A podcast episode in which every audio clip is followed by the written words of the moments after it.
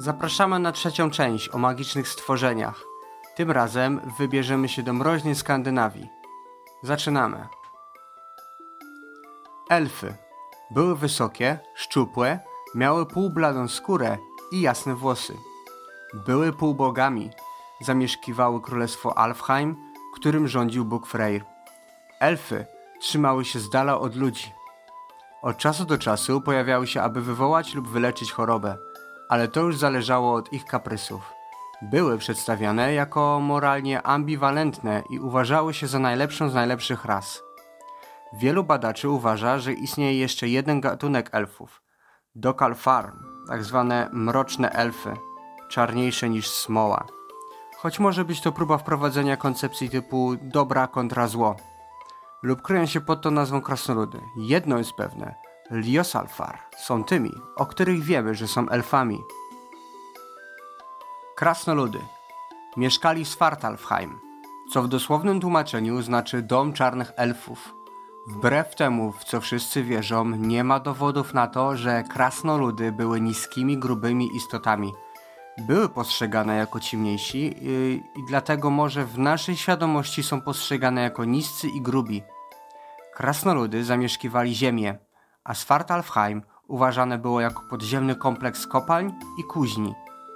Najlepsi byli oni w kowalstwie. Tworzyli idealną broń, zbroje i inne akcesoria wojenne. Uwaga, młot Tora, Mjolnir, został stworzony przez krasnoludy. Krasnoludy są znane ze swojej mądrości, wiedzy, niesamowitych umiejętności tworzenia oraz używania magii. Jotnar. Ciężko jest ich zidentyfikować, ale najczęściej opisywano ich jako giganci, chociaż wzrostem przypominali ludzi. Twierdzi się, że toczyły ciągłą walkę z bogami nordyckimi. Bardzo dużo nordyckich bogów pochodzi od Jotnarów. Jedna z najbardziej znanych Jotunów była Hela, bogini świata podziemnego oraz kolejnym z nich był Ymir, który był hermafrodytą, uważany był jako pierwsze stworzenie w nordyckiej mitologii. Uwaga, trole też są uważane za Jotnary. Walkirie, pomocnice wielkiego Odyna. Przewoziły one poległych w bitwach do Walhali, ale nie wybierały one po prostu kto ma dostęp, a kto nie. One wybierały też kto żyje i ginie w bitwie. Taki nordycki odpowiednik mrocznego żniwiarza. Draugr. Nordyckie zombie, które mogły zmieniać dowolnie swój kształt w inne stworzenia. Dysponowały nadludzką siłą i obrzydliwym zapachem rozkładu zwłok. Najważniejszą umiejętnością ich było pływanie przez jednolitą skałę, dlatego też bardzo często opuszczały one swoje grobowce. Spędzali dnie na chronieniu skarbu lub miażdżeniu ludzi, którzy wyrządzili im krzywdę za życia. Jormungandr Jedna z najważniejszych istot Nordów. Znany też jako wąż Midgardu. Otacza ziemię, trzymając wszystko na swoim miejscu. Jest synem Lokiego i Jotun Angrboa. Wraz z Fenrirem i Helem został wyrzucony do oceanu przez Odyna. Największym wrogiem Jormungandra był Thor, bóg piorunów, który zabija go, ale Thor też umiera poprzez zatrucie jadem. Fenrir był wilkiem i również synem Lokiego, najokrutniejszy ze stworzeń, jakie kiedykolwiek istniało. Był tak silny, że bogowie postanowili go związać. W tym celu zgłosili się do krasnoludów, aby ci stworzyli łańcuch Gleipnir. Bogowie udali się do Fenrira w celu ujarzmienia go, ale ten im nie ufał, więc Bóg Tyr postanowił wsadzić rękę do paszczy wilka. Tyr został oszukany i Fenrir odgryzł mu rękę. Później wilk zabił Odyna, po czym sam został zabity z rąk syna Odyna, Widara. Sleipnir, ośmionogi koń Odyna, kolejne dziecko Lokiego. Sleipnir jest potomkiem Svadilfari i Lokiego, który w przebraniu klaczy próbował odwrócić uwagę właściciela Ogiera.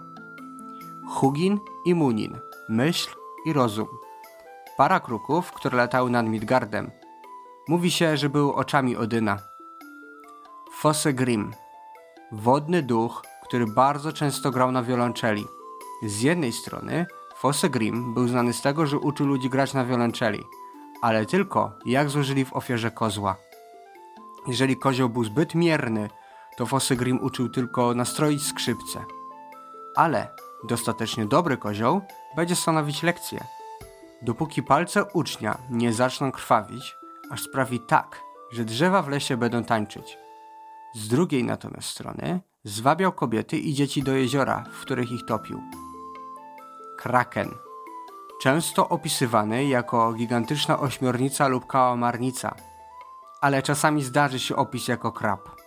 Mówi się, że mierzy ponad milę, a jego ciało jest tak wielkie, że można go pomylić z wyspą. Inspiracja Krakena może nawiązywać do istnienia 18-metrowej kałamarnicy. Na całe szczęście nie ma dowodów na istnienie potwora, gdyż na pewno woli siedzieć gdzieś w głębinach oceanu. Jak widzimy, jest wiele różnych istot w nordyckiej mitologii, która jest jedną z moich ulubionych. Niektóre z nich są bardziej przyjazne, a od niektórych trzeba się jednak trzymać z daleka. Natomiast już w niedzielę zapraszamy Was na niedzielny podcast o seryjnym mordercy Stan Rillington Place. Dzięki za wysłuchanie i do zobaczenia w Valhalla. Cześć!